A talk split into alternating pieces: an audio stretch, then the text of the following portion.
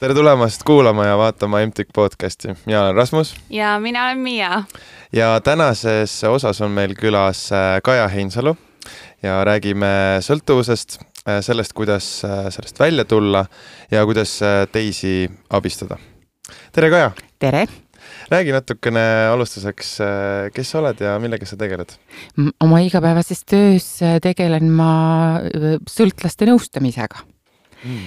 et toetada ja aidata neil mõista, mis, mis on sõltuvus ja kuidas siis äh, sõltuvusest taastuda ja terveneda ja elada kainena, sest ma ei oska kedagi õpetada, äh, kel, kellel on sõltuvushäire, mõõdukalt äh, tarvitama, mis tegelikult on iga sõltlase selline soovunelm mm. -hmm. kui ta minu vastuvõtule tuleb, küll aga tean ma üht-teist kainet kainest elust ja see on see osa, millega ma siis inimesi äh, igapäevaselt toetan, et aidata nad siis sealt äh, hävitavast sõltuvusest äh, kaine täisväärtusliku eluni. No, väga üllas äh, töö selles mõttes, et yeah. et, et see ei ole kindlasti kerge ülesanne tegutseda sellises valdkonnas teate, kui sellises valdkonnas äh, tegutseda ja see oleks mulle väga raske, siis ma inimesena kindlasti olen seda tüüpi, et ma teeks midagi muud mm. -hmm. et see, mida ma teen, ma armastan väga oma tööd äh,, neid inimesi, kellega ma töötan ja see on selle töö tegemiseks äh,, ma usun, üks kõige olulisemaid äh, asju üldse, millest alustada. et ja, ja sellepärast ei ole see ka minu jaoks üldse mitte väga raske töö no vot, nagu iga töö juures, et tuleb ikka teha seda, mis sa armastad. täpselt ja kindlasti räägime kõigest sellest ka lähemalt natukene hiljem. aga meil on selline traditsiooniline algus alati saates nagu lõpeta lause, et me ütleme sulle paar sellist lühikest lauset ja sina saad selle siis omal soovil kuidagi lõpetada. ja esimeseks lauseks on minu hobid on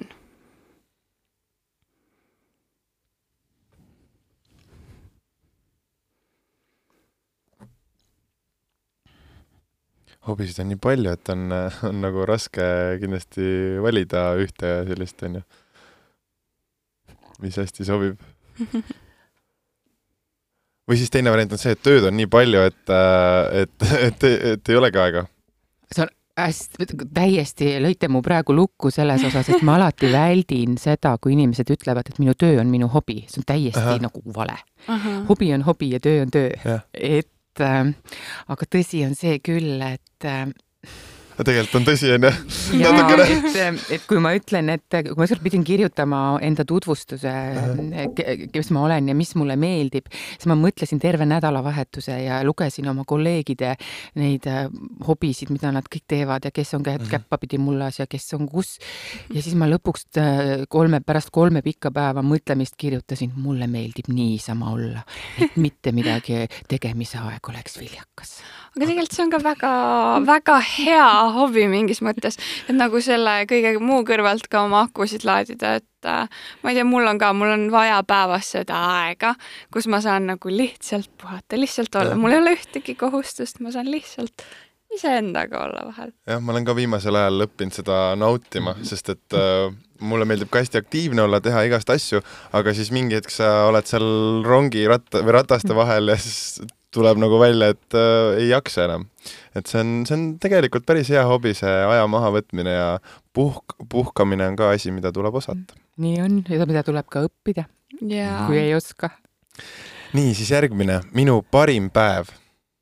või võib-olla ka parim mälestus, midagi sarnast no siiski minu elu parim päev on kakskümmend neli jaanuar aasta tuhat üheksasada üheksakümmend kuus nii, mis siis juhtus, kui ta ütles seda? siis tegin ma otsuse, et ma pean midagi ette võtma oma eluga ja, ja abi otsima oma alkoholiprobleemile selge, saame selle juurde kindlasti tagasi mm -hmm. tulla veel. kõige eksootilisem loom, mida päriselus olen näinud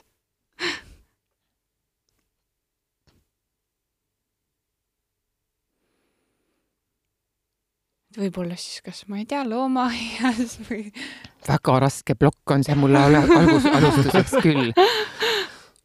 ega see ei peagi lihtne olema, see on, see ongi see koht, kus me paneme natukene, natukene ajud tööle just, äh, kastist välja.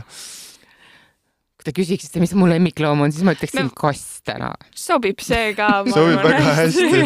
aga kas sa oled kuskil äh, reisil käinud, mis, mis on sinu parimad reisimälestused? ikka Aasia, Vietnam Tai no seal on küll väga. eksootilisi loomi aga ma ei ole nendega väga kohtunud mm. -hmm. Jaa. ei ole sattunud nendesse piirkondadesse? kulinaarsed retked on. muidugi mõnus, mulle meeldib ka Aasia köök on, on väga-väga Jaa. mõnus. siis selline lause, et ma soovin, et iga inimene, oleks õnnelik. no vot, see on see on väga ilus mõte. ja siis viimaseks, et sõltuvus on. Ravimatu progresseeruv ja surmaga lõppev haigus ja ainult täielik karskus on see, mis võib teha meist normaalsed inimesed ja hoida meid sellistena. see oli nüüd kuskilt äh, raamatust äh, võetud. nii alustan ma praktiliselt iga päev oma tööpäeva, kui ma kohtun inimestega. ah soo, okei okay.. no siis äh, see lause on selgeks saanud, aga see on väga hea, et see on konkreetne ja, ja kõik asjad on seal öeldud, onju, et, et selles suhtes on, on suurepärane. sest igapäevaselt tavainimesel võib olla tegelikult Mhm. päris keeruline defineerida seda sõna sõltuvus oo oh jaa, seda defi-, püütakse väga palju teha ja väga erineval viisil ja, ja noh, tegelikult sõltuvus on väga palju mm, mitmekihilisem kui see, mis ma praegu siin ühes lauses kokku võtsin. mm. aga see on see alustala, mille pealt tegelikult kogu see taastumise protsess ja enda kaine elu mõtestamine nagu algab. Mhm. siin ei ole mõtet teha asja ilusamaks või kuidagi, vaid see, see on see. no selge, Mhm.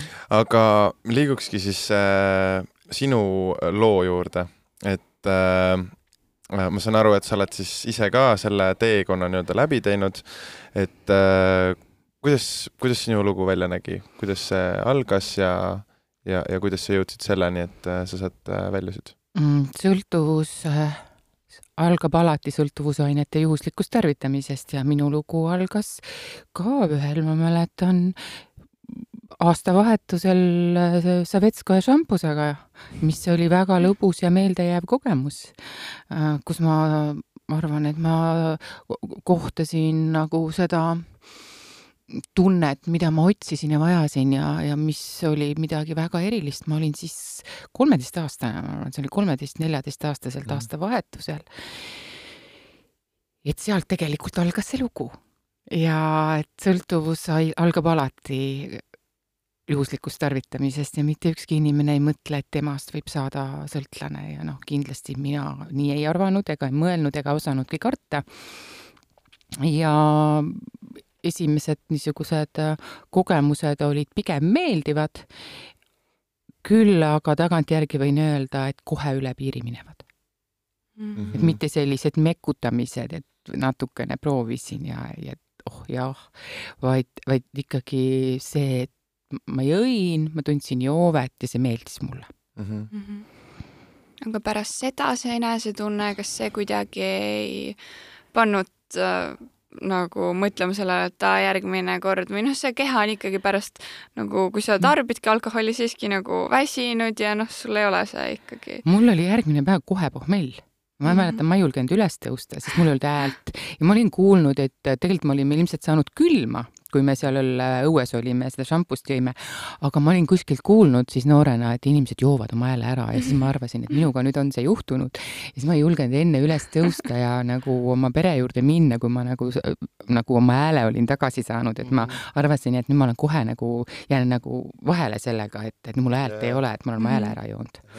aga kuidas sul siis äh, oli see ähm, kogemus, et, et kas äh, kas vanemad said teada ja kas, kas see oli kuidagi sellel ajal oli see kuidagi hästi karm või kuidas sul kodus minu, oli? mul on nagu meeles, et ema nagu muigas ja et see ei olnud äh, küll Mhm. mingisugune draama, millest oleks mingi sündmus tehtud ja ma isegi ei tea, kas ta tegelikult sai aru või ei saanud Ah, et okei. et isa kindlasti mitte, tema vaatas esimesel jaanuaril terve päev televiisorit ja see ei olnud mingi sündmus. nojah, eks see oli ilmselt vanematel ka tore, tore õhtu olnud selles mõttes, aga Äh, aga, aga päris noorelt siis ikkagi äh, nii-öelda mm, alustasid selles mõttes. Äh,, aga see on vist üldse tänapäeval ka päris suur nähtus, et, et aina nooremalt alustatakse. Tegelikult selles vanuses al- alustatakse ka täna. Mhm. ja, ja need lood, mida mina siis oma töö, tööd tehes inimestega kohtudes olen märganud, on ikkagi see, et kuskil neljateist, viieteist aasta juurde need esimesed tarvitamiskogemused jäävad. Et seal on nii, noh, seal on nii palju sellist uudishimu, piiride ületamist, sõpradega koos, noh, seal on kõike muud kui joome viina viina maitse pärast. vaid, vaid ikkagi seal on hoopis teised vajadused, mida noor inimene rahuldab, kui ta esimest korda alkoholi tarvitab Mhm. aga kas ka noorelt on see inimene siis rohkem sõltuvus nagu vastuvõtlik sellele, et ta jääb sõltuvusse või see otseselt ei tulene niivõrd vanusest? no tegelikult ei tulene vanusest mm. -hmm. kuigi noh, kui me räägime nüüd alkoholi mõjust noore inimese ajule, siis see on natuke nagu tegelikult natuke teine teema mm. -hmm. aga see, kui hakatakse alkoholi tarvitama noores eas, äh, siis võib-olla see niisugune miinuspool selle asja juures on nagu rohkem see, et see inimene emotsionaalne, sotsiaalne noh, nagu ebaküpsus. ja siis ta tarvitab alkoholi ja siis avastab, et vau, et äh, ta on saanud ühe suurepärase äh, abilise endale, mis selle võrratu mina temas esile toob, et, et kui tantsusamm mm -hmm. muidu ei tulnud välja, ei olnud väga julge et, ja, ja jutt ka ei jooksnud, et siis alkoholi või aineid tarvitades õnnestub see väga palju paremini ja inimene tegelikult äh, kasvab äh, nii, et ta sotsiaalsetes olukordades tarvitades alkoholi on kainena täiesti nagu ebaküps hakkama saamaks mm -hmm. nendes olukordades mm. -hmm. ja, ja suurem osa inimesi tegelikult kasvab sellest välja. aga üks osa jääb sõltuvusse, et statistiliselt umbes kümme protsenti inimestest haigestub sõltuvusse wow.. ja geneetilist eelsoodumust peetakse nagu üsna nagu oluliseks mm -hmm. ja siin siis iseloomustab selle geneetilise eelsoodu, noh, ma nüüd räägin küll sellist juttu, mille, millel ei ole niisugust kindlasti Eestis teaduslikke mhm. uuringuid taga, aga et kui ma olen ka inimeste neid perelugusid mm, uurinud, et kuidas on nendel suguvõsas, siis, siis seal võib-olla iseloomustab see, et kui on siis ikkagi seal seda sõltuvuse häiret perekonnas esineb, siis see sõltuvus nagu progresseerub kiiremini mm, -hmm. areneb kiiremini mm. -hmm. teise puhul on seal see, et ta mitukümmend aastat tarvitab äh, üsna noh, niimoodi funktsioneeriva inimesena, enne kui ta minu vastuvõtule jõuab, aga, aga teine juba jõuab sinna üsna noorena ja, ja see et ei saa enam samamoodi jätkata ja samas need lood, vaata kunagi oli selline lugu, et kui inimene kahekümne viienda, kuskilt ma mäletan oma õpinguaegadest, et vot kui kahekümne viienda eluaastani ei tarvita alkoholi, et siis sinust sõltlast ei saa. mul on nagu mitmeid ja mitmeid lugusid, kus inimene on olnud nulltolerantsiga põhjusel näiteks, et tema perekonnas on keegi ema või isa alkohoolik ja ta on öelnud, et ma ei hakka kunagi elus jooma. ja siis hakkab ta jooma kolmekümneaastaselt, võtab oma esimese napsu kolmekümneaastaselt ja nagu väga lühikese aja jooksul progresseerub see häire tal selliselt, et temast on saanud sõltlasi. mul on olnud äh, kliente, kelle puhul ja sama lugu jällegi, et, et äh, ema näiteks on olnud alkohoolik ja, ja, ja, ja tema tütar on olnud väga eeskujulik pereema, tal on kolm-neli last ja ta ei ole joonud kuni viiekümnenda eluaastani üldse. ja siis tema pere läheb laiali noh, selles suhtes lapsed kasvavad suureks mm, -hmm. äh, eriti traagiline veel, kui, kui minnakse mehest lahku või, või, või on surminimesed lahutanud ja see viiekümneaastane inimene jääb äkki üksi ja siis ta avastab, et noh, ma võtan nüüd omale nüüd väikse napsu, et läheb paremaks ja kolme-nelja aastaga on saanud inimesest sõltlane. et see tegelikult, äh, sõltuvusse võib haigestuda igaüks meist, ta ei vali ei meid vanuse ega soo järgi ega selle järgi ka, millised on meie teadmised, sõltuvused, millised on olnud meie kannatused näiteks kellegi lähedase pereliikme läbi joomise pärast mm, -hmm. et see, see selles osas jah, me ei ole keegi selle eest tegelikult kaitstud aga nii, et äh, sa nimetasid sõna haigus ka korra -hmm. et sõltuvus siis äh, ikkagi meditsiinilises mõttes võib ka täitsa haigus olla ja täitsa nii-öelda diagnoositav, jah? sõltuvus on ajuhaigus mm -hmm. ja mis äh, mõjutab aja jooksul inimese kõiki tema eluvaldkondi, nii tema vaimset tervist, füüsilist tervist, tema sotsiaalseid suhteid, tema psüühikat, et Mhm. ta ei jäta puutumata mitte ühtegi inimese olulist äh, eluvaldkonda mm. -hmm. ja tegemist on haigusega, millel ei ole ühtegi kindlat ravimeetodit. ja kõige kindlam viis selle, selle haigus, nüüd on hakatud nimetama seda häireks, ega ta sisu muutunud ei ole mm, -hmm. me võime Jah. nimetada seda kuidas tahes, aga kaasaegselt öeldakse sõltuvushäire, et äh, mitte ühtegi kindlat ravimeetodit sellel ei ole ja see, et see haigus ei progresseeruks, on kõige kindlam viis äh, ainete tarvitamine lõpetada täielikult. ehk et aju saaks taastada neid funktsioone, mis ainete tarvitamise tagajärjel on häiritud. Mm -hmm. aga kui pöördumatud need äh, häired võivad olla, mis äh,, mis ajule siis on tekitatud mm näiteks? Äh, see sõltub kindlasti tarvitamise pikkusest, see sõltub äh, tarvitatavatest ainetest ja muidugi inimese individuaalsetest äh, eri, eripäradest ka, aga see, et need niisugused vaimne võimekus ja meie kogu emotsionaalne niisugune taastumine, tervenemine, kui ikkagi äh, seda asja võetakse tõsiselt ja siin ma ei räägi nüüd sellest, et, et taastumine ja tervenemine on see, et ma lõpetan tarvitamise ja se sellega mm. nagu ongi haigus seljatatud, et sealt alles taastumine algab, aga tegelikult juba mõne karske kuu jooksul äh, inimene tunneb ennast märgatavalt paremini äh, ja tema uni läheb paremaks, tema noh, kontakt oma emotsioonidega, võib-olla esmakordselt elus, võib-olla isegi natukene, et ma ei ütle, et, et see on parem, see võib olla kohati isegi hirmutav, sest alati on tarvitamisel mingi juurpõhjus. ja miks on hakatud tarvitama, et me võime siin tegelikult võtta täiesti ikkagi rääkida sõltuvuse äh, ainetest äh, laiemalt, ka tubakas mm., noh, uimastavad ained, alkohol ja me, me teeme seda põhjusel, et ta toob meile mingisugust kasu elus. seal on mingi juurpõhjus mm -hmm. ja kui me seda, seda juurpõhjust siiski enda jaoks äh, ei, ei, ei leia, siis on kainena väga halb olla. noh, ja, ja millised, noh, et, et, et võtame, et me, me tegelikult ju see, see lühiajaline kasu, et ma saaksin äh, paremini siin elus hakkama, see on päriselt nii et kui see nii ei oleks, siis ei saaks kellestki sõltuvust.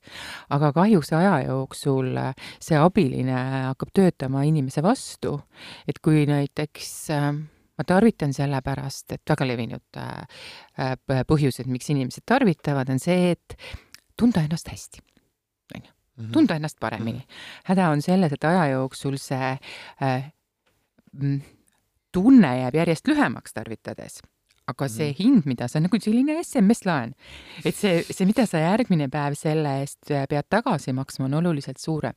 ja siin jällegi sõltub nendest ainetest, mida inimene tarvitab, et millised on need hilisemad võõrutusnähud, ainete keemili-, uimastavate ainete nagu, nagu mõju ajule, ärevuseks, et ma hakkan tarvitama mingit ainet, et, et ennast rahustada.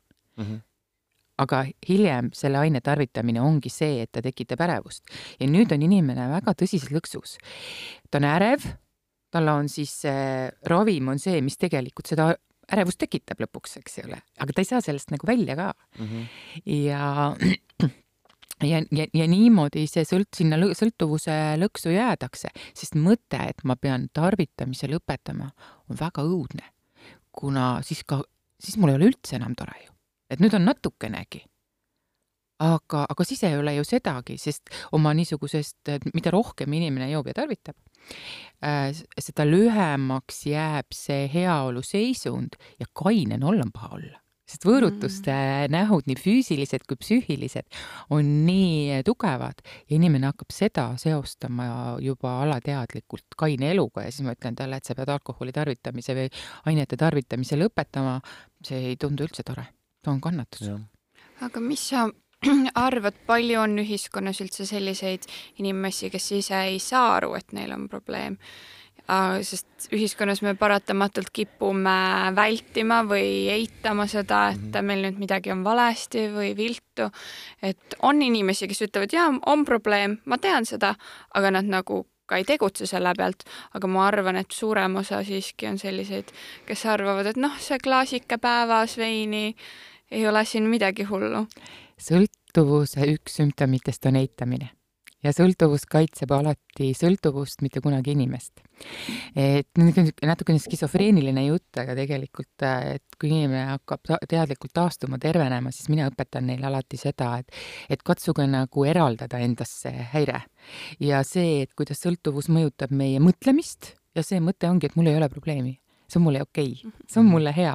see klaasike veini ei tee mulle midagi ja siis niisugune otsida toetust äh, äh, oma tarvitamise õigustamisele, et, et uskuge äh,, joomiseks ja ja uimastite tarvitamiseks leiab inimene oluliselt palju rohkem põhjuseid kui selle lõpetamiseks ja, ja me ju noh, see on ju sama lugu, et hakkad omale autot ostma ja valid margi välja ja siis näed terves linnas ainult tundub, et pooled inimesed selle autoga sõidavadki, eks mm. ju. sama lugu on oma tarvitamise õigustamisele kõik joovad ja siis otsime veel hästi palju niisuguseid edukaid inimesi maailmast mm., kes on elu lõpuni joonud mm -hmm. ja, ja, ja, ja räägime, no näed, vot tema oli äge inimene.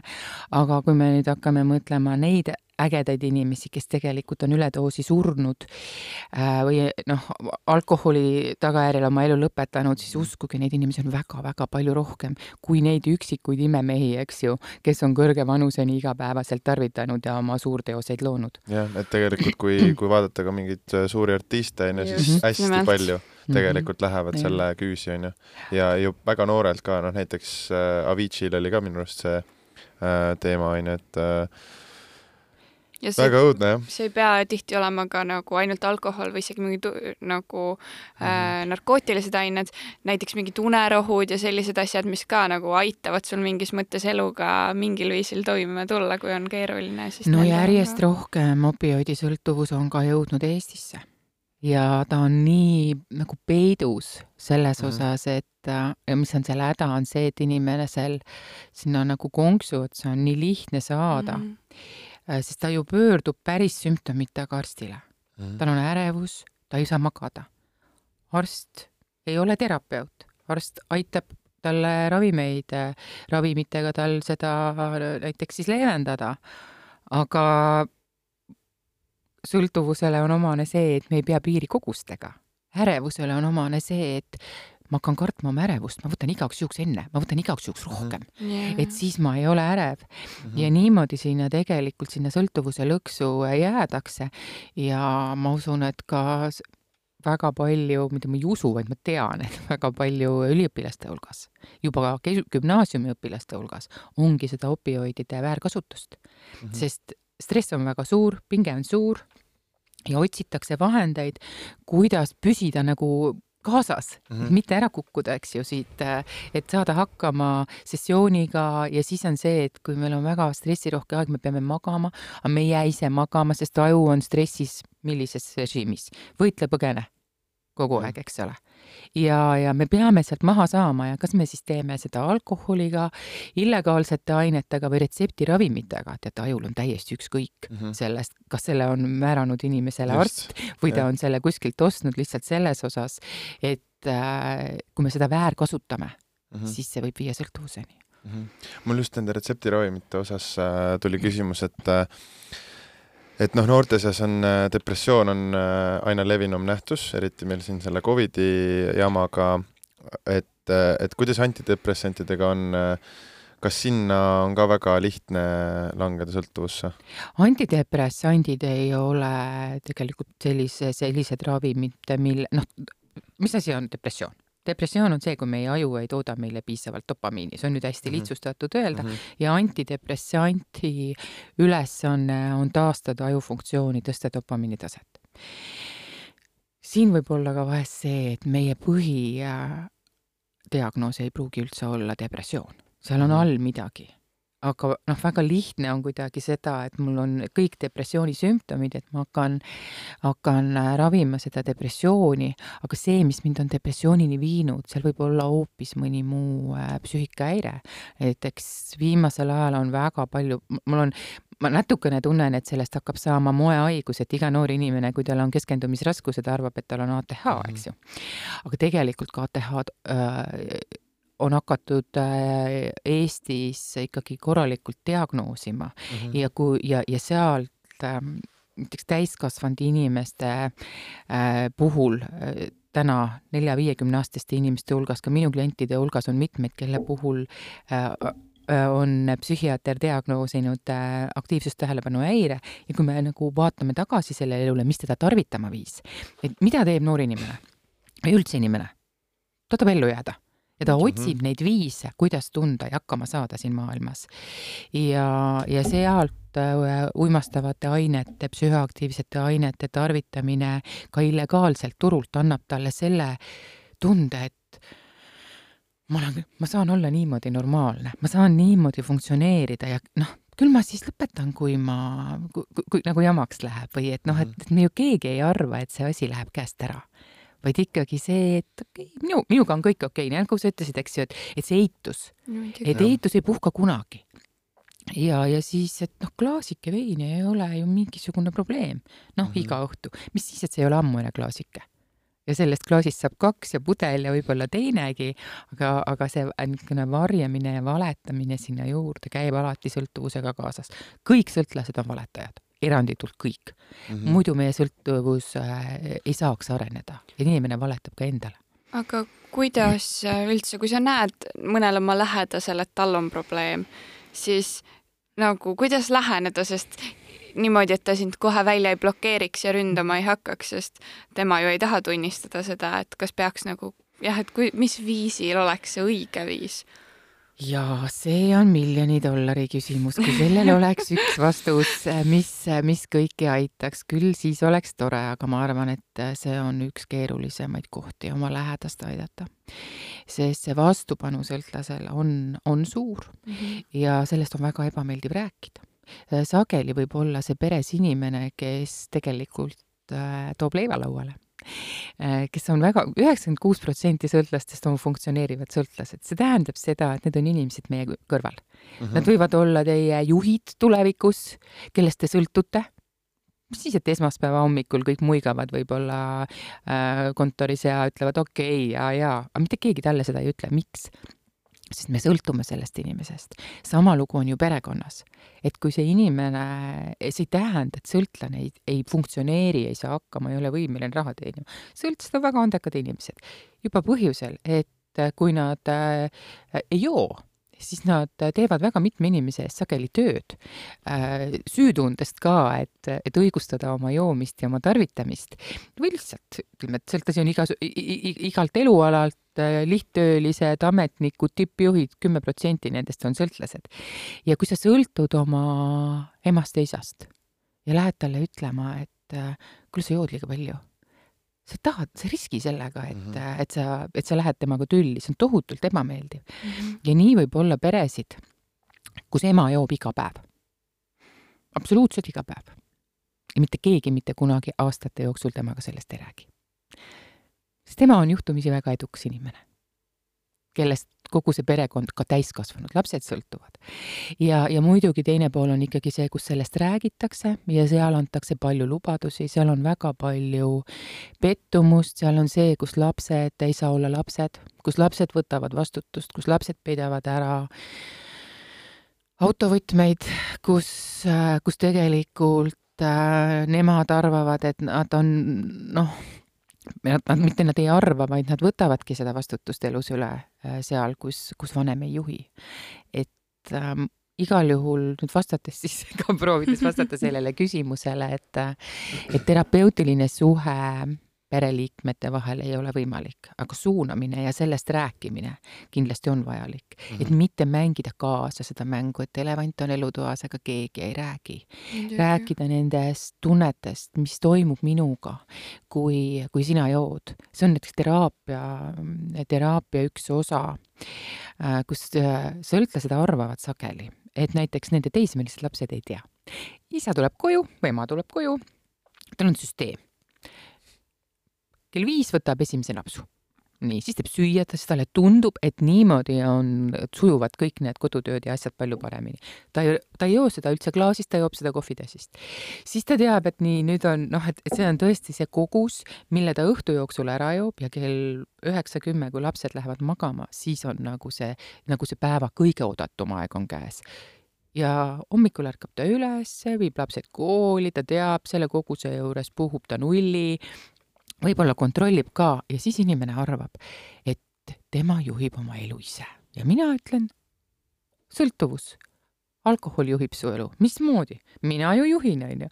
aga tegelikult see mõte, millal ta saab tarvitama hakata, kuidas see käib mm, -hmm. kui ta hakkab kell viis jooma, siis juba kella kahe aeg ilmselt ta töö juures hakkab sellele mõtlema, millal mm -hmm. ta siit töö juurest pääseb, kuidas ta läheb, see hakkab alati palju-palju varem. ja, ja arvatakse, et aga mu lapsed ei saa ju aru, nad ei tea ju.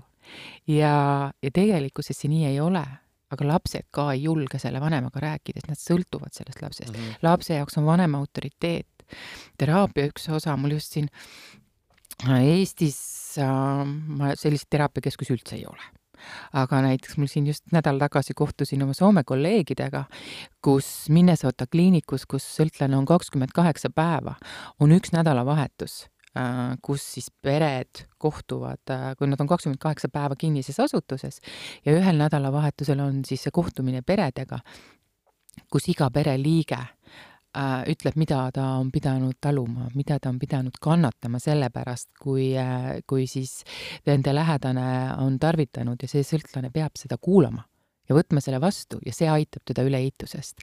sest me ei pruugi üldse mõista, kui palju kahju me tegelikult enda lähedastele sellega teeme mm. -hmm ma tahtsingi just äh, küsida, et, äh, et äh, kui palju sa ise ja võib-olla kui üldse inimesed äh, kaotavad oma lähedasi sõltuvusse sattumise käigus? sõltlased reeglina jäävad üsna üksikuks. Et Äh, me kaotame, me ei taha enam ise ka suhelda väga või see kontakt hakkab selle ümbritseva maailmaga jääma järn-, järjest väiksemaks. et äh, see niisugune kirglik suhe alkoholi ja ainetega on see, mida inimene igatseb, see süütunne, häbitunne, mis, mida tegelikult tarvitamine äh, inimese jaoks tekitab, on nagu tarvitamismootor. ta ei saa selle tundega hakkama ja siis ta, mida ta teeb? tarvitab veel rohkem, eks ju. juba Väike prints.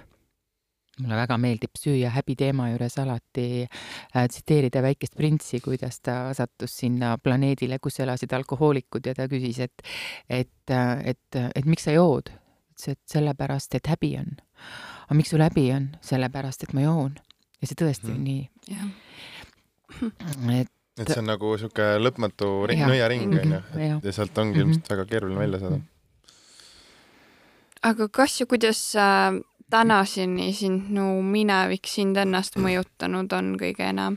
Ja kas äh, siis, kui sul oli ka sõltuvus, et kas siis nagu see ühiskonnapilt äh, oli mingis mõttes teine ja üldse ka see, kuidas sind võib-olla vaadati, siin oli nüüd hästi palju küsimusi ühes mina jõin hästi kiiresti ja palju, et mm -hmm. minu sõltle, aktiivne sõltlase elu ei olnud väga pikk, mhm. et Äh, kui ma teile oma esimest tarvitamist, äh, tervitamisest rääkisin, siis noh, esimesest korrast alates ma ei äh, tundnud oma piiri ja ma mäletan, ma käisin meditsiinikoolis ja siis meil oli palju tipipoistega siis oli kohtumisõhtud. ja ma teadsin näiteks, et ma ei tohi juua et kui ma joon, et ma kuidagi ei pea piiri ja ma arvasin, et see on miski, mida inimene õpib et ma olen lihtsalt noor, et ma ei ole mm. nagu seda, seda, seda selgeks saanud ja ma hoidsin ennast nagu tagasi, sest, sest ma nagu kartsin, mis minuga juhtub.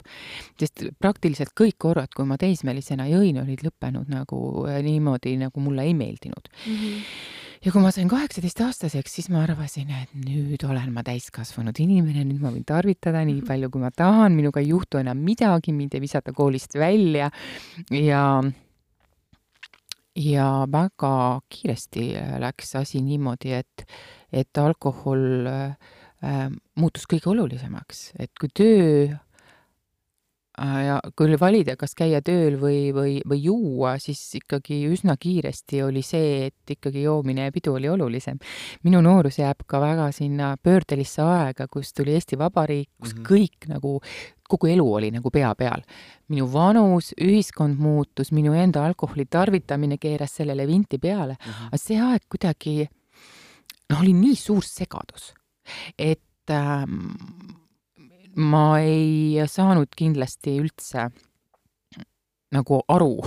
Et, et mis minuga päris nagu toimub, aga kui ma sain, nagu mõistsin, et ma ei, et see, see nagu, et ma, ma olen tegelikult oma noh, kõik, ma ükskord arvutasin kokku, et ma astusin Viide ülikooli ja, ja noh, selge oli see, et, et seal nagu väga pikalt vastu ei, ei pidanud, siis äh, arvasin ma, et kindlasti on nüüd puu-, süüdi see keskkond, kus ma elan, et ma pean seda keskkonda vahetama, siis ma olin kahekümne viie aastane. kui ma tegin väga äkilise pöörde oma elus ja mõtlesin, et ma tulen, kolin ära. ja kolisin ära ja sealt tuli üksi joomine. nii et kui ma olin aasta aega siis seda selles uues keskkonnas iseendaga olnud, siis ma võisin ka näiteks kuskil peol käia niimoodi, et, et ma ei joo. et noh, kardan, et mul läheb käest ära ja siis see niisugune tahtejõuga kaine püsimine lõppes sellega, et kui ma peolt koju jõin, koju jõudsin, et siis ma premeerisin ennast sellega, et, et sellest, see pidu keskis tegelikult üksinda võib-olla üks-kaks päeva mul mm. Et äh, ma olin ka kakskümmend kuus aastat vana jah, kui ma tõsiselt äh, mõistsin seda, et ma oma soovile vaatamata ei saa loobuda joomisest. ja, ja siin nagu see tahtejõud mitte kuidagi mind üle kolme päeva ei aidanud. et kui juba natukene parem sai, siis, siis läks kõik jälle vana rada mööda nagu edasi. okei okay., aga kuidas sa jõudsid äh, selle arusaamani, et midagi on nüüd valesti ja et midagi peaks muutma? Äh, eks neid niisuguseid äh, äratundmise hetki nagu äh, oli enne ka, aga see oli, see oli väga selgelt üks nädalavahetus, teate, mitte midagi hullu ei juhtunud. et kui räägitakse, et igal sõltlasel on nagu, peab olema see oma põhi või mm., või et sinuga juhtus midagi nagu väga hullu, siis minu jaoks pigem oli see mm, allakäigutrepp nagu käis nagu astmetega mm. -hmm. et ja, ja see niisugune huvipuudus ja nagu tahtepuudus lõpuks üldse osaleda mingisuguses elus.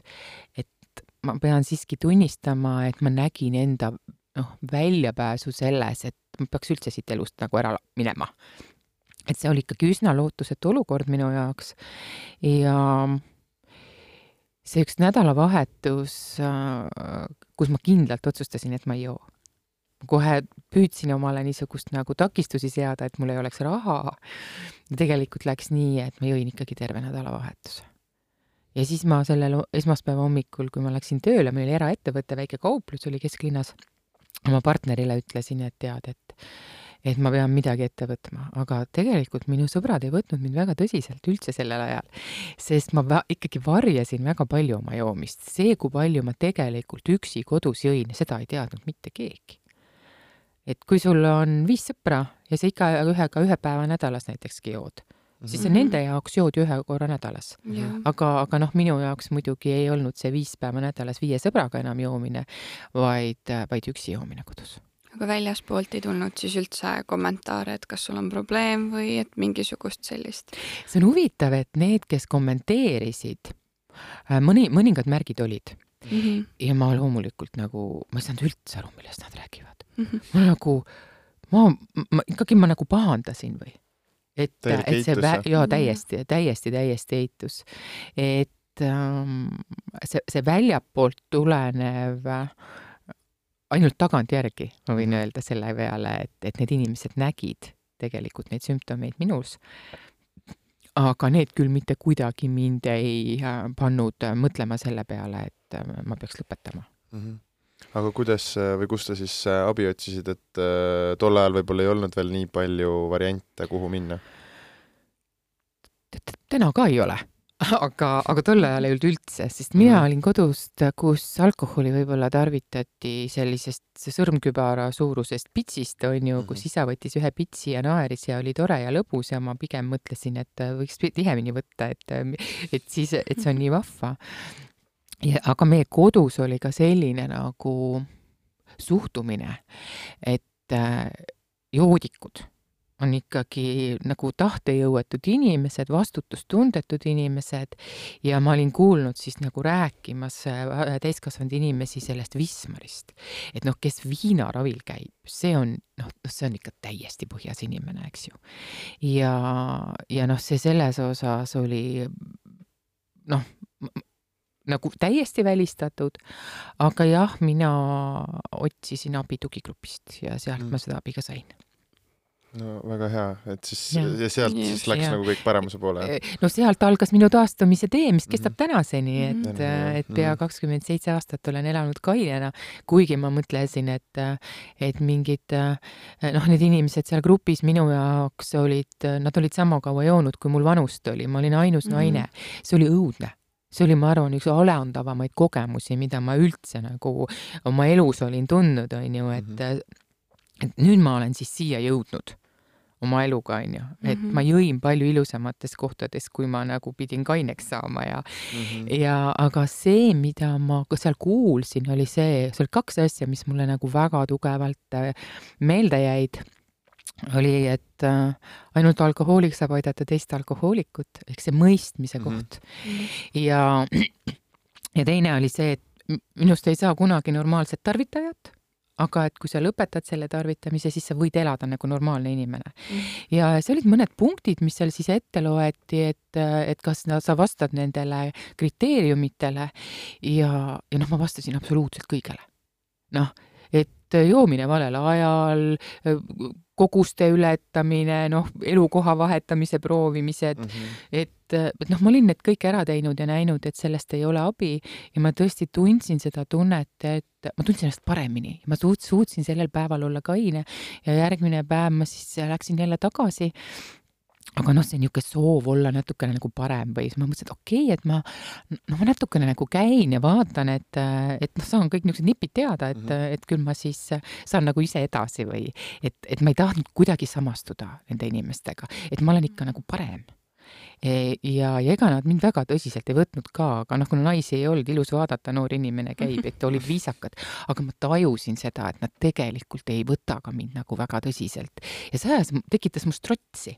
ja mida rohkem ma muidugi nagu süvenesin oma sellesse tarvitamise ajalukku ja kogu mm, teadmised nagu, mis ma sain ka sõltuvusest, noh, andsid iga päevaga mulle kinnitust, et kas ma tahan oma elus kakskümmend viis aastat nagu veel juua, et jõua, jõuda siia?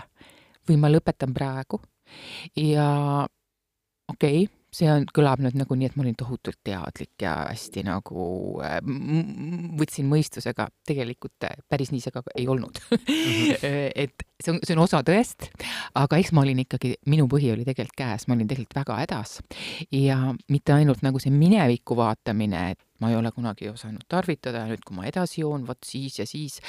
tegelikult seda ehitust oli väga palju, seda soovi, ma mäletan isegi pigem oli seda, et ma käin äkki on võimalus, et ma ei ole. ja mm, -hmm. ja siis hakkasid tulema, et noh, noh, et, et, et et, et, et läheb mööda ja saan elada nagu normaalne inimene, ikka on ju uuringuid tehakse, eks ju, ja näed, avastatakse, et sul polegi seda haigust. ma olin ise see uurija, aga siis tulid sööstu, sööstud, niisugused nagu kinnisideed, mis käivad sõltuvuse häirega kaasa. et sa lõpetad tarvitamise, tahad olla kaine, soovid olla kaine, oled otsustanud elada kainena? Ja siis tuleb nagu välk selgest taevast, tohutu imu, nagu hullumeelsus täiesti, et ma tahan praegu nii meeletult seda, seda, seda veini või mida iganes siis äh, jooki. Ja see annab kinnitust, et see ei ole normaalne. normaalne inimene ei tunne sellist imusid. Et Äh, ja mind need himud kiusasid väga tõsiselt. ja ma olen väga tänulik nendele himudele, et ma pidin nagu teadlikult tegelema enda kaineks püsimisega absoluutselt iga päev et see ei olnud nagu miski lihtsalt, et, äh, et mis tuli iseenesest, see nõudis pühendumist, tööd aastaid ja ma arvan, et noh, ma teen seda ka tegelikult täna mm. -hmm. et ma ei tegele noh, täna enam himudega, aga sõltlase mm,, taastuva, terveneva sõltlase elu tähendab pidevat teadlikkust ja tasakaalu. Ja olenemata sellest, kas ta on olnud kaine kuu aega, kümme aastat või kakskümmend aastat. kui ma selle tasakaalu oma elus kaotan, siis äh, see siit ajust ei ole kuskile kadunud, et see mehike Mhm. istub ja ootab oma aega seal niikaua, kuni mina elan, on ju, ja ma ei tohi talle seda võimalust anda, et ta suudab mind veenda selles, et see on oleks mulle praegu väga hea. aga kas sul oli mingi positiivne harjumus äh, või asi, millega sa asendasid äh, seda või, või otseselt ei olnud niisugust äh, asja? Äh, mina, minu jaoks tegelikult sai aastateks grupp väga oluliseks osaks minu elus, Mhm. et äh, ku- noh, täna ma ise äh, toetades ja suunates inimesi võib-olla pigem äh, nii kallutatult neid ei, ei aita, vaid äh, annan pigem seda, et, et see sina ise, sinu enda taastumine, sinu sotsiaalne elu mm., füüsiline aktiivsus, et ähm, ma ikkagi kadusin päris aastateks tegelikult äh, üldse nagu areenilt, aga, aga, aga see oli kindlasti hea aeg, hästi investeeritud aeg Mhm. Em, mis noh, ju täna mõjutab mu elu ka väga-väga palju, sellepärast et see, mida ma teen, ma ei saaks eales teha seda, mida ma teen, kui mul ei oleks seda kogemust. kui mul ei oleks seda joomise kogemust, kui mul ei oleks isiklikku pikka taastumise kogemust, see oleks võimatu. see teeb, see on nagu kõige alus töös sõltlastega. see, et inimene tuleb su juurde ja ta tegelikult vajab kõige rohkem seda, et olla mõistetud, mitte hukka mõistetud. ja siit jookseb see piir kus inimene, kes ise ei ole sõltlane, kahjuks kipub siiski selle ratsionaalse poolega lähenema sellele, et no kuidas sa ei saa, kuidas sa nii vastutustundetult käitud, on ju, mis mõttes, sul on kõik olemas. jah, mul endal tekkis selline küsimus, et tegelikult praegu on ju ka poelettidel müügil alkoholivabad õlled ja šampused ja sellised asjad. et nüüd, kui mõeldagi inimesest, kes on olnud sõltuvuses, kas see võib olla tegelikult selline nagu petlik alternatiiv nende jaoks, mis nagu tegelikult nad tagasi sõltuvusse viib või kuidas nagu, kas sellel ka mingisugune roll või mõju on? nii ja naa.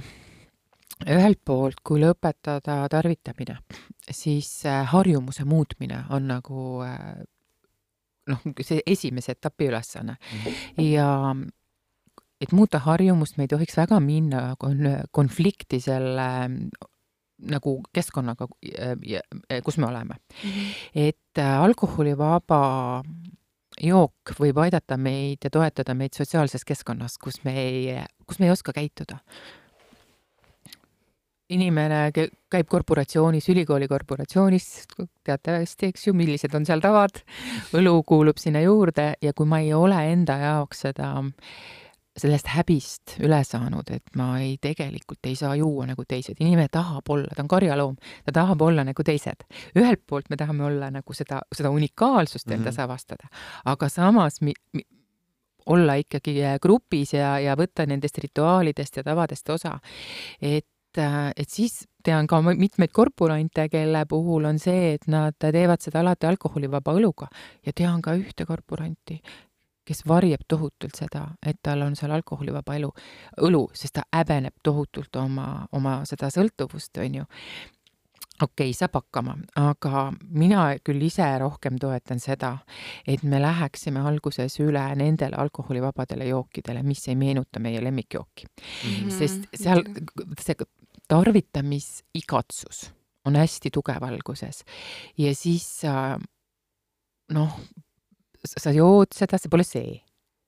sa ei saa seda joovet, mida sa sealt tahad saada, siis sa noh, ta, ta võib nagu väga nagu tõsiselt selle niimoodi mm, äratada üles selle himu Mhm. äh, selle joogi järgi ja lõpuks inimene lööb käega ja ütleb, ah, mis seal ikka. teine asi on veel üks väga suur oht on see, et alkoholivabad joogid on läinud väga heaks.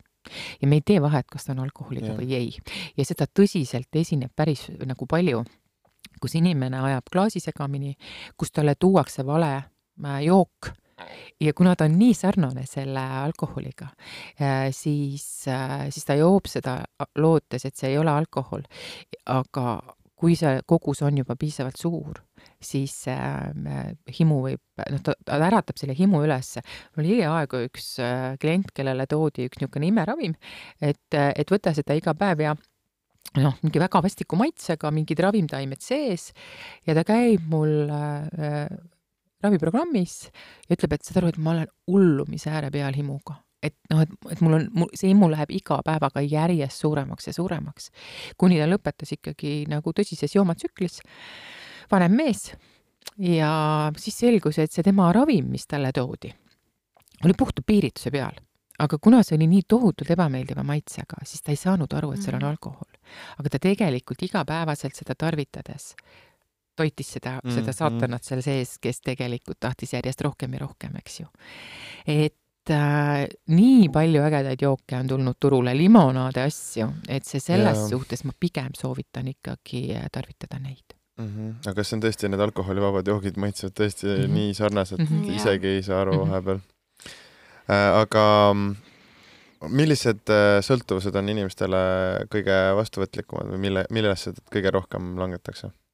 suhtesõltuvus, et üheksakümmend kaheksa protsenti inimestest on suhtesõltlased, viimased uuringud ütlevad sada. See on natuke nali ka, et eks me oleme ju sõltuvad, aga, aga mil, mis ajast algab see sõltuvus? Ähm,? me võime kõigest muutuda sõltuvaks. Ja olemegi sõltuvuses, aga kus ta on siis see kahjustab meid, on see, kui ta hakkab juhtima meie elu. kus me ei saa enam ilma selleta, kus tekib kinnisidee, noh, trenn on väga kasulik, eks ju, aga kui me pidevalt mõtleme sellele, et me peame minema trenni, kui me oma kohtumised lepime kokku trennisaalis, sest ma kulutan aega niisama, kui ma sinuga istun kuskil, et parem kõnnime seal lindi peal ja räägime oma jutud seal ära, siis inimene ei ole ju enam vaba. Mm. -hmm kui ta on äh, kogu aeg emotsionaalselt seotud sellega, kas ta on suhtes või ei ole millises seisus see suhe parasjagu on, kas ma tean, kus ta on, kas ma olen, kas ta on mulle täna hommikul juba kirjutanud, kui ta ei ole mulle kirjutanud, nüüd ta on mind maha jätnud. et see üks sõltuvus viib sageli teise sõltuvuseni, et hakkama saada selle tundega. sõltuvus on tundeeluhaigus alati. Ja, ja mis on see primaarne sõltuvus, see ei pruugi alati olla üldse ainesõltuvus aga me hakkame leevendama neid tundeid nende ainetega, millega me hakkama ei saa. ja sealt võib saada siis see ainesõltuvus primaarseks sõltuvuseks.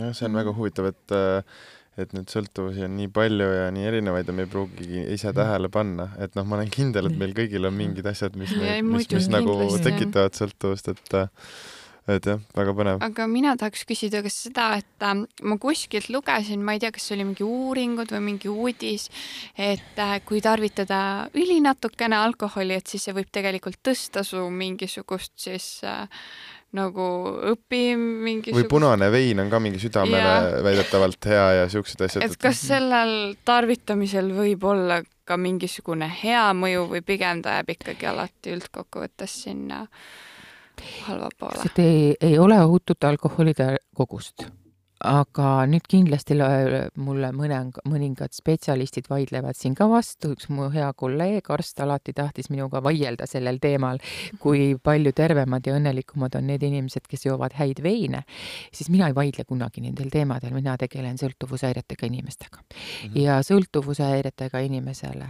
ei ole ohutut alkoholikogust. Ja siin on nagu punkt, siin ei ole Mhm. aga muidugi. et ja, ja, ja alkohol ei ole halb. sellega kaasnevad tagajärjed on halvad. et äh, kui inimene tarvitab mõõdukalt alkoholi, siis meie ühiskonnas äh, noh, on see aastaid tõesti ju täiesti tolereeritud ja, ja mõista seda enda jaoks, kas see, mis see minuga teeb. kui see minu elu teeb halvemaks, siis see ei ole mulle hea ja kõik uuringud võivad mulle öelda, et, et, et see võib olla vastupidi, üks õudselt äge film oli eelmine aasta, Uus laine. Taani film, kuidas äh, keskealised kooliõpetajad te- tegid, püstitasid hüpoteesi, et inimesel on õnnest puudu null koma viis promilli. ja siis, kuidas nad hakkasid null koma viis promilliga nagu äh, hoidma seda ja kuidas nende võimekus kasvas ja ühesõnaga väga-väga soovitan vaadata mm. -hmm. väga äge film. et ähm, ja jällegi ähm, igaüks peab leidma nagu enda jaoks selle sobiva viisi, kuidas siin maailmas õnnelikult elada ja, ja oma elu mõtestada, on ju. ja kui alkoholiained viivad elu mõtte, siis ei ole see sinu jaoks väga lihtne. muidugi. aga kui palju käib su juures äh, noori inimesi või noh, ütleme siis äh, alla kolmekümne aastaseid inimesi näiteks? käib vähe.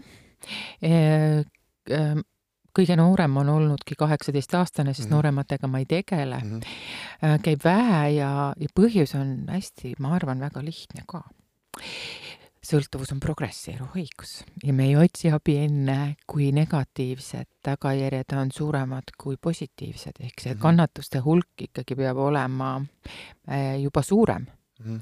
et ähm, see võtab aega ja küll olenemata vanusest äh, inimesed äh, taastumisprotsessis äh, kahetsevad kõik ühte asja, olenemata kui vanad nad on. see on kaotatud aeg tarvitamisele. ja, ja samas ma tean, et me ei saa kedagi nagu vägisi sellesse, sellesse nagu selles veenda, küll aga teraapia eesmärk on see, et tõsta seda põhja ülespoole. Aga see ei mhm. ole nii lihtne, kui neid positiivseid pooli tarvitamisest on rohkem kui negatiivseid nojah, kindlasti noorena on, on, on just see mhm. seltskond, kellega sa käid, noh, sest et see on norm, nii-öelda normaalne, on ju, et kõik tarvitavad just, on ju, ja siis tekib see eituse moment, on ju, palju lihtsam on nagu öelda, et mul tegelikult ei ole midagi viga. inimene jääb üksi mm. -hmm. tegelikult, äh, kui inimene on keskeas ja on aastaid tarvitanud, siis ta on ennast üksikuks joonud mm, -hmm. aga, aga noorena äh, jääb inimene üksi. miks minu jaoks oli tugigrupp ikkagi täiesti päästev koht, oli see, noh, ma olin ka muidugi ennast väga kiiresti nagu sellesse seisu joonud, et ma ei tahtnud enam väga inimesi näha, et mul ei olnud väga suurt kaotust nagu selle seltskonnaga. aga kui selle, sealt paar aastat enne ei oleks ma lõpetanud sellepärast, et ma oleks täiesti üksi jäänud, siis kui mul see seltskond veel oli, eks ju. ja see on väga keeruline selles, selles ajas, sest alkoholiained on sidusaine. ja nüüd ma võtan selle sidusaine ära ja, ja ongi jama muidugi. aga kui nüüd noortest rääkida, siis äh, mis sina ise arvad, kas Eestis peaks ka tõstma alkoholi tarbimispiirangu sinna kahekümne ühe ringi, nagu see on USA-s või see keelamine just teeb asja hullemaks? ma arvan, et see ei aita ausalt öeldes ma arvan, et see väga ei aita, võib-olla nii palju, et noh, et seda sotsiaalset tarbimist võib-olla vähendada. et mm, -hmm. et need, et see, et ta on, ta on kohe nagu, et ta, ta on niisugune nagu normaalsus. et sul ei olegi nagu, nagu väga valikut või noh, et, et, et selles mõttes võib-olla ta natukene aitaks, aga ma ei usu väga piirangutesse ma usun rohkem teavitamisse ja valikutesse. tekitab veel rohkem seda trotsi ja, ja ma mõtlen just nende peale, kes näiteks noh, oletame, et see võetakse vastu nüüd, see seadus on nüüd kakskümmend üks, on ju, ja need, kes on üheksateist või seal kakskümmend, on ju, siis neil tekib äkitselt see, et ma ei saagi enam või mis mõttes, on ju. et kuidas sa selle lahendad ja siis, äh, ja siis jah, et niikuinii seda juba tehakse ju alaealiste seas liigub, see on kättesaadav selles mõttes, et, et noh, ongi ju tänapäeva alkohol on täiskasvanu jaoks nii lihtne kätte saada. noorte jaoks ka. ja noorte ja, jaoks jaoks ka just, et noh, et sul on nüüd noh, tutvusringkond Eesti on nii väike, on ju, et kõik teevad kõike põhimõtteliselt, aga, aga see on küll päris kurb, et Eesti on ikkagi Euroopa ja ma ei tea, kas ka maailma tipus ilmselt, sest noh, Euroopas ja lääneriikides ilmselt see alkoholi tarbimine on kõige suurem maailmas. jaa, mul on mõned kliendid, kes õpivad välismaal ülikoolis siin äh, läbi interneti ja seal on jälle kahjuks tohutult suur kanepi tarvitamine mm. -hmm et alkoholi ei tarvitata nii palju, aga kanep on nagu noh, täiesti tavaline. ja et tegelikult uimastavate ainete tarvitamine noorte hulgas on tõsine teema väga,. väga-väga.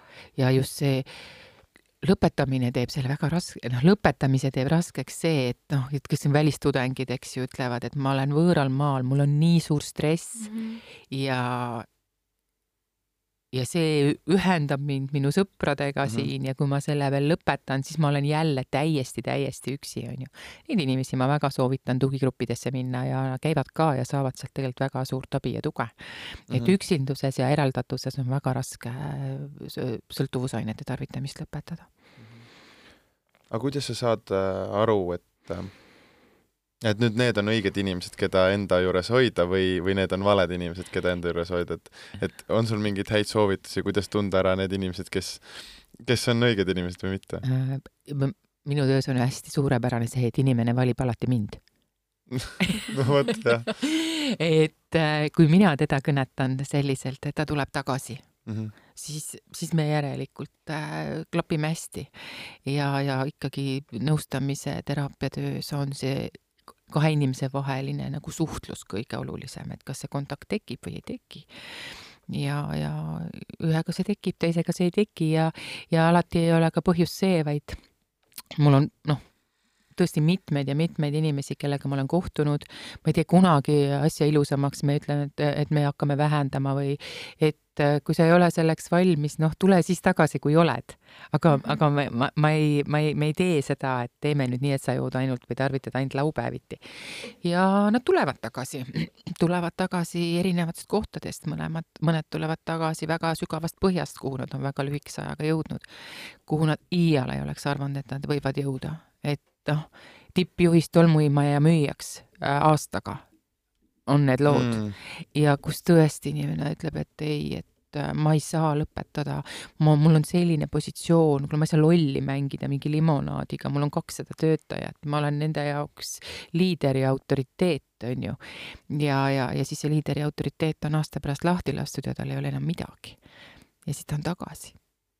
või ei ole halvemal juhul mitte. täpselt. ma kiirelt puudutaks ka seda teemat, mis tegelikult meedias ja igal pool on päris aktuaalne olnud, mis on need maitsega e-sigaretid, mille tarbimine koolides ja igal pool on tegelikult mingis mõttes ka pandeemia. no see on ikka jõhker tegelikult. see on ikka, kus noorimad tarvitajad on kaheksa-aastased, siis see tundub nagu väga suur probleem ühiskonnas hetkel see on väga suur probleem ja siin on motiveerida inimest äh, lõpetama palju raskem kui tavalise tubakaga.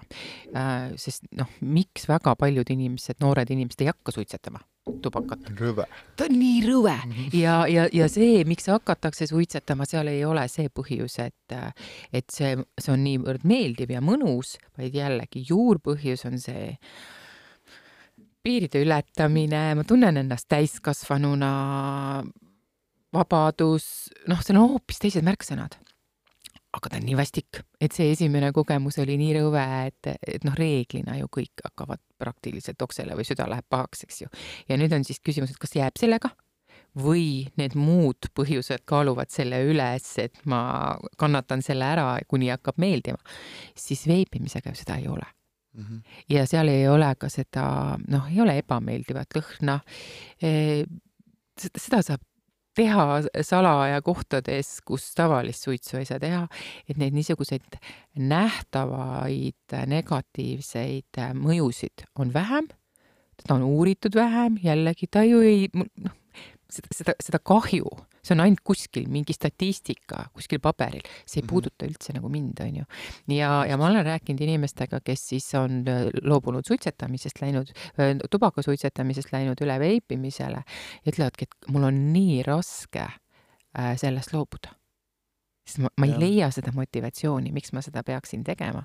et ta on tugevam sõltuvus kui, kui siis tavaline sigaret mm. -hmm. ja, ja noh, tõesti see ka, mida siin meediast viimasel ajal kuulda on, et see on täiesti pandeemiaks muutunud noorte hulgas mm. -hmm. miks ta nii populaarne on, ma ei kujuta ette aga see ongi jälle seesama see grupi mentaliteet või noh, mhm. korra proovid, oo, nii mhm. hea, onju, ja sealt ta läheb tegelikult, ma mõtlen ise ka nagu meie siin võib-olla tutvusringkonna peale või selles mõttes, et, et et väga raske on nagu leida juba inimest, kes ei oleks seda üldse proovinud või kes noh, ei, ei tee seda nii-öelda regulaarselt, on ju, või noh, et et, äh, et või, või lihtsalt ka pidudel kuskil on et, et ikka noh, et proovid või, või noh, annad, sealt tegelikult levivad ju haigused ka, muud haigused on ju. et, äh, et tegelikult on nagu endale ka veits niisugune reality check, et et äh, vau wow,, nüüd on nagu see koht, et ma arvan, et sellest peaks nagu rohkem rääkima ka, et nendest, just nendest mõjudest, aga noh, ongi see nii vähe väljas, et seda ei ole uuritud mm., aga ma mingi, mingit artiklit just lugesin, et põhimõtteliselt sa tõmbad endale mingeid metalliosakesi ja asju sisse, siis see mind pani ka korraks nagu mõtlema, et vau wow,, võib-olla ei ole vaja, onju. et, et noh, tegelikult tubakas ju noh, okei okay,, tänapäeval enam mitte, aga on ikkagi naturaalsem selles mõttes või noh, et ta ko koosneb nagu noh, sellest taimest ja sellest on, aga no see on ka nii keeruline. ja just, just, just. see oli tohutu hulk, mis, mis, mis on need kahjulikud aga see, aga nagu e-sigaretis on neid veel ja, rohkem. ja need teistsugused. jah, just, ja, ja keemilised ja noh, igasugused, et selles suhtes mm -hmm. suht õudne jah. aga korra puudutasid ka seda teemat, et äh, kuidas äh, siis äh, äh, tubaka suitsetamisest on sellele veipimisele üle mindud, et kui tihti see juhtub nii, et ühest sõltuvusest saab teine, et ma ise tean, et kui inimesed mingid lood ongi, et kui näiteks suitsetamisest proovitakse loobuda, hakatakse meeletult magusat sööma või leitakse nagu mingi see muu asi, millest nagu siis sõltuda, et kas seda, see on nagu tihe nähtus? ristsõltuvus või see, et mis vajadust ma rahuldan mm. -hmm. Ja kui ma seda, selle ei tegele sellega äh,, äh, mis on mu põhiprobleem siis ma otsin omale alternatiivse sõltuvuse, et seda tunnet saada. ma vajan ju tunnet. näiteks kui ma suitsetan sellepärast või tähendab, üldse suitsetamisest rääkida jällegi, et et inimene, kõige levinum asi, miks inimesed suitsetavad, nad ütlevad, see rahustab mind mm, -hmm. see aitab mul pausi teha. ma ei ole kordagi kuulnud, et keegi ütleks mulle, ma suitsetan sellepärast, et ma lõhnan siis halvasti, ma suitsetan sellepärast, et sinna läheb nii palju raha et tegelikult otsitakse ju ikkagi, et see on pausi tegemise koht, see aitab mul keskenduda, see rahustab mind. Aga seda ei teata, et see, et sa, millest sa rahustamist vajad, ongi nikotiinisõltuvus, mis teeb sind ärevaks. et, et inimene on jällegi sellises stressiseisundis suitsetajana ja see, kui me vajame sigaretti, tähendab seda, et meil on sõltuvus nikotiinist ja nikotiini puudus teeb meid ärevaks ja siis me teeme sigareti ja tunneme, see sigaret rahustab mind, mitte ei mõtle, see sigareti suitsetamise äh, sõltuvus teeb mind närviliseks mm. -hmm. jah, teistpidi. see on tegelikult teistpidi. või ütleme jah, et alguses võib tunduda nii, onju, aga siis see väga kiirelt ja. muutub. see ja see jah, et see õlg, et äh, suitsetaja on pidevalt võitle-põgene stressi äh, olukorras oma kehas, mida ta siis kogu aeg peab rahustama, eks ju mm. -hmm. et ei tegeleta selle algprobleemiga, vaid lihtsalt proovitakse kohe lahendada Mm -hmm. aga nagu näiteks suitsetamise sõltuvus, tubakasõltuvus on küll nagu väga tugev sõltuvus, aga selle lõpetamine äh, teraapiana äh, võib-olla no, on palju lühem, noh, et ma võib-olla inimesega kohtun Aa. seal kaks-kolm korda mm, -hmm. teeme seal pika vestluse, ka kasutan äh, oma töös juhitud meditatsiooni, tuntud ka hüpnoosi nimel, et näiteks suitsetamisest loobumise puhul ma seda kasutan, et mm -hmm. inimesel aidata harjumust muuta äh,. alkoholisõltuvuse puhul mitte kunagi ma seda ei tee mm. -hmm. sellepärast, et kiireid lahendusi alkoholisõltuvusest taastumisel ei ole põhjusel, et ta mõjutab ja on mõjutanud tervet meie elu. me peame õppima sotsiaalseid oskusi. ilma me ei saa siin maailmas kainena hakkama, seda ei ole võimalik ühegi nõustamisseansiga nagu saavutada, on ju mm. -hmm. me peame õppima oma tunnetega hakkama saama, jällegi, see on asi, mis inimene peab ise tegema. ükski terapeut ei saa tema eest seda mingisuguse ime voodoo'ga ära nagu korraldada. me peame kujundama endale uusi harjumusi. sa küsisid hobisid ja ma jäin vait, eks ju, samas on hästi oluline osa taastumisele, et, et, et enda jaoks nagu leida neid asju, mis pakuvad vaimset rahuldust sest see kontakt enda hobidega ka sõltu-, aktiivsest sõltuvusest kaob või me valime siis neid hobisid, kus me saame tarvitada, eks ju, et noh, käin kalal ja, ja joon sealjuures, et noh, võib-olla enam see kalapüük ei ole nii oluline või noh, käin suusatamas, aga mäele ei jõua et, et, et paraku ta hakkab mõjutama nagu kõike ja, ja nende nagu harrastuste tagasitulek ja tagasitoomine oma ellu on, on tähtis taastumisel. Äh, no nii, äh, võtame vaikselt asja kokku. meil on seal kaks miljoni küsimust. esimene miljoni küsimus on, et kuidas sõltuvust vältida? ära võta esimest napsu. noh, väga lihtne. napsu või siis ükskõik mida. esimest doosi, et, et ära seda esimest võta, siis on võimatu, et sinust võib saada sõltlane mm. -hmm. välistatud ja inimesele ei ole õnnelikuks olemiseks. tegelikult on meile antud inimesena kõik, et olla õnnelik ilma keemilisi aineid tarvitamata. muidugi. ja teine küsimus on meil selline traditsiooniline, et äh, kuna me siiski oleme majandusteaduskonna üliõpilaskogu podcast, siis see on kuidagi traditsiooniks kujunenud. et mis sina teeksid täna, kui sul oleks miljon eurot? Ma ei teeks oma elus mitte midagi teistmoodi, kui mul täna on. nii tore vastus, me Võt. vist ei olegi midagi sellist vastust päris veel olnud. jätkaksid samamoodi ja. jätkaksin kindlasti samamoodi. Väga lahe, õnnelikud inimesed Jaa. on kõige paremad inimesed. aga suur-suur tänu sulle, Kaja, täna tulemast, väga põnevad teemad olid, võiksin rääkida tunde ja tunde, aga meil saateaeg vaikselt on äh, täis saanud. täna siis äh, kirjastus Helios on sulle välja pannud sellise toreda raamatu nagu Foobiate ja maaniate äh, äh, raamat. ma loodan, et sulle meeldib.